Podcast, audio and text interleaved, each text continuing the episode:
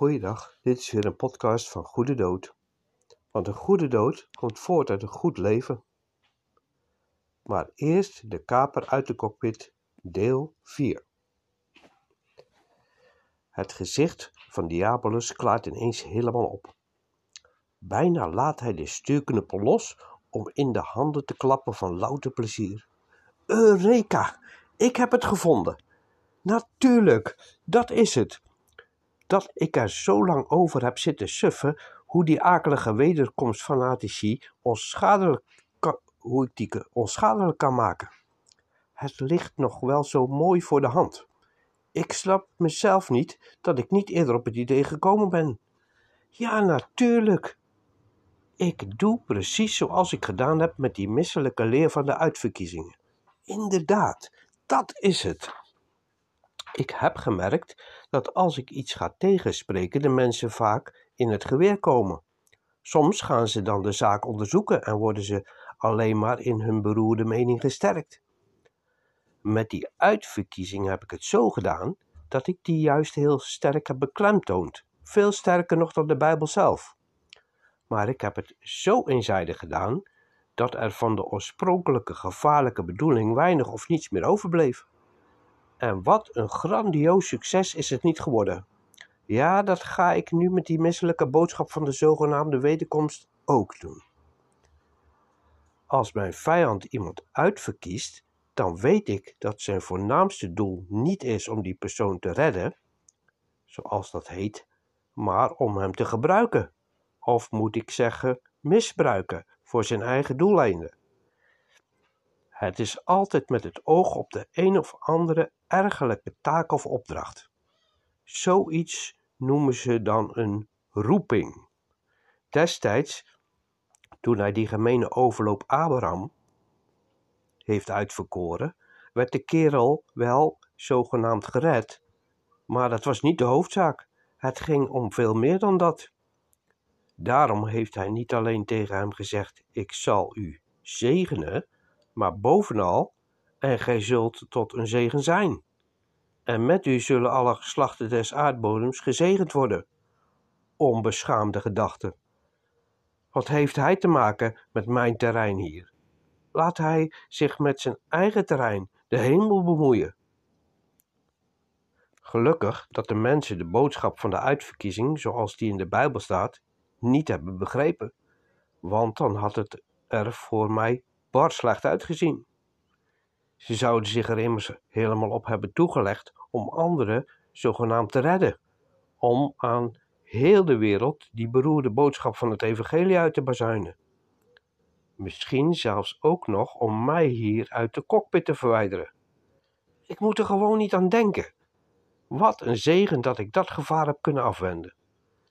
Ja, ik heb er zo sterk de nadruk op gelegd dat ze uitverkoren werden om zelf gered te worden, dat ze daar alleen maar aan gedacht hadden en aandacht voor hadden en niet voor de andere, de voor mij zo gevaarlijke kant.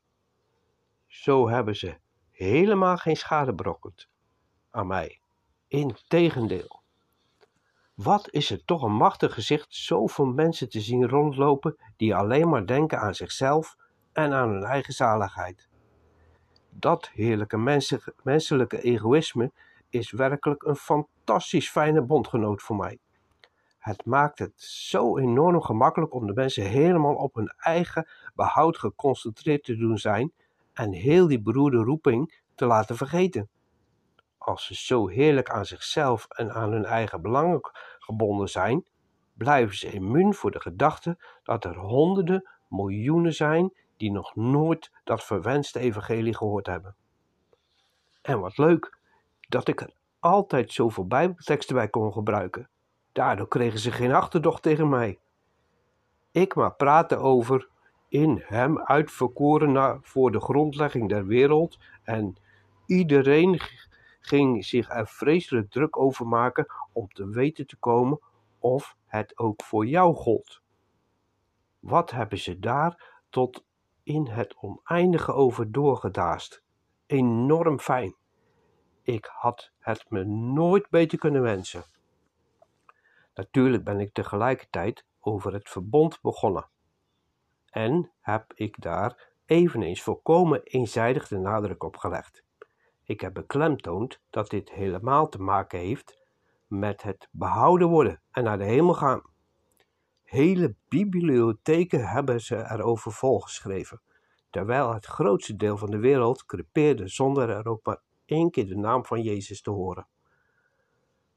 Ja, het is machtig om door middel van Gods eigen woord zijn eigen mensen onbruikbaar te maken voor Hem. En dat is nu precies wat ik moet doen met die andere gevaarlijke boodschap, die van de wederkomst. Het zal ook vast lukken als ik de mensen, als ik het menselijke egoïsme maar voldoende weet uit te buiten. Meestal levert dat weinig moeilijkheden op.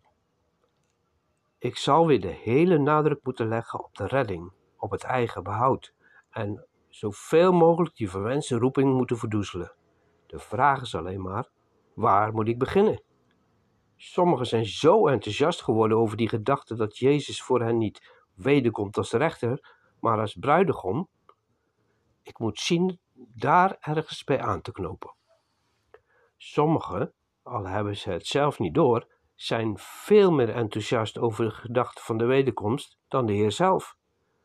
Als het hun echt om de Heer te doen was, dan zouden ze nu al veel meer tijd doorbrengen met Hem, in stilte, alleen.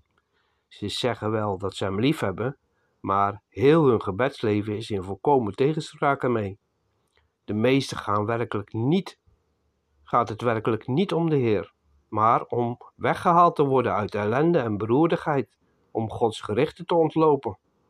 Hé, hey, daar, ik weet een tekst die enorm goed zal inslaan.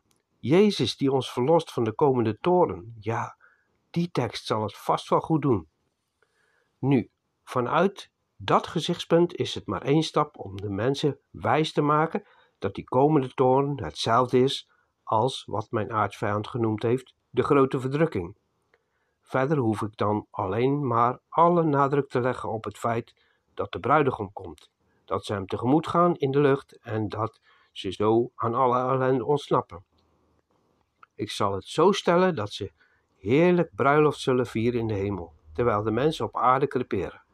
Inderdaad, dat is de oplossing. Daar heb ik vast en zeker succes mee. De sufferts zijn er met de uitverkiezing zo heerlijk ingetrapt ze zullen het nu vast weer doen. De enige moeilijkheid die zich ooit zou kunnen voordoen is dat op de een of andere ongeluksdag een of ander mixbaksel gaat ontdekken dat de wederkomst niet alleen met redding, maar bovenal met roeping te maken heeft. Dat zou catastrofaal zijn. In plaats van maar pas, passief te wachten op de wederkomst, zouden ze het er dan op kunnen gaan toeleggen om mij hier uit de cockpit te krijgen. Maar gelukkig lijkt dat gevaar momenteel heel klein.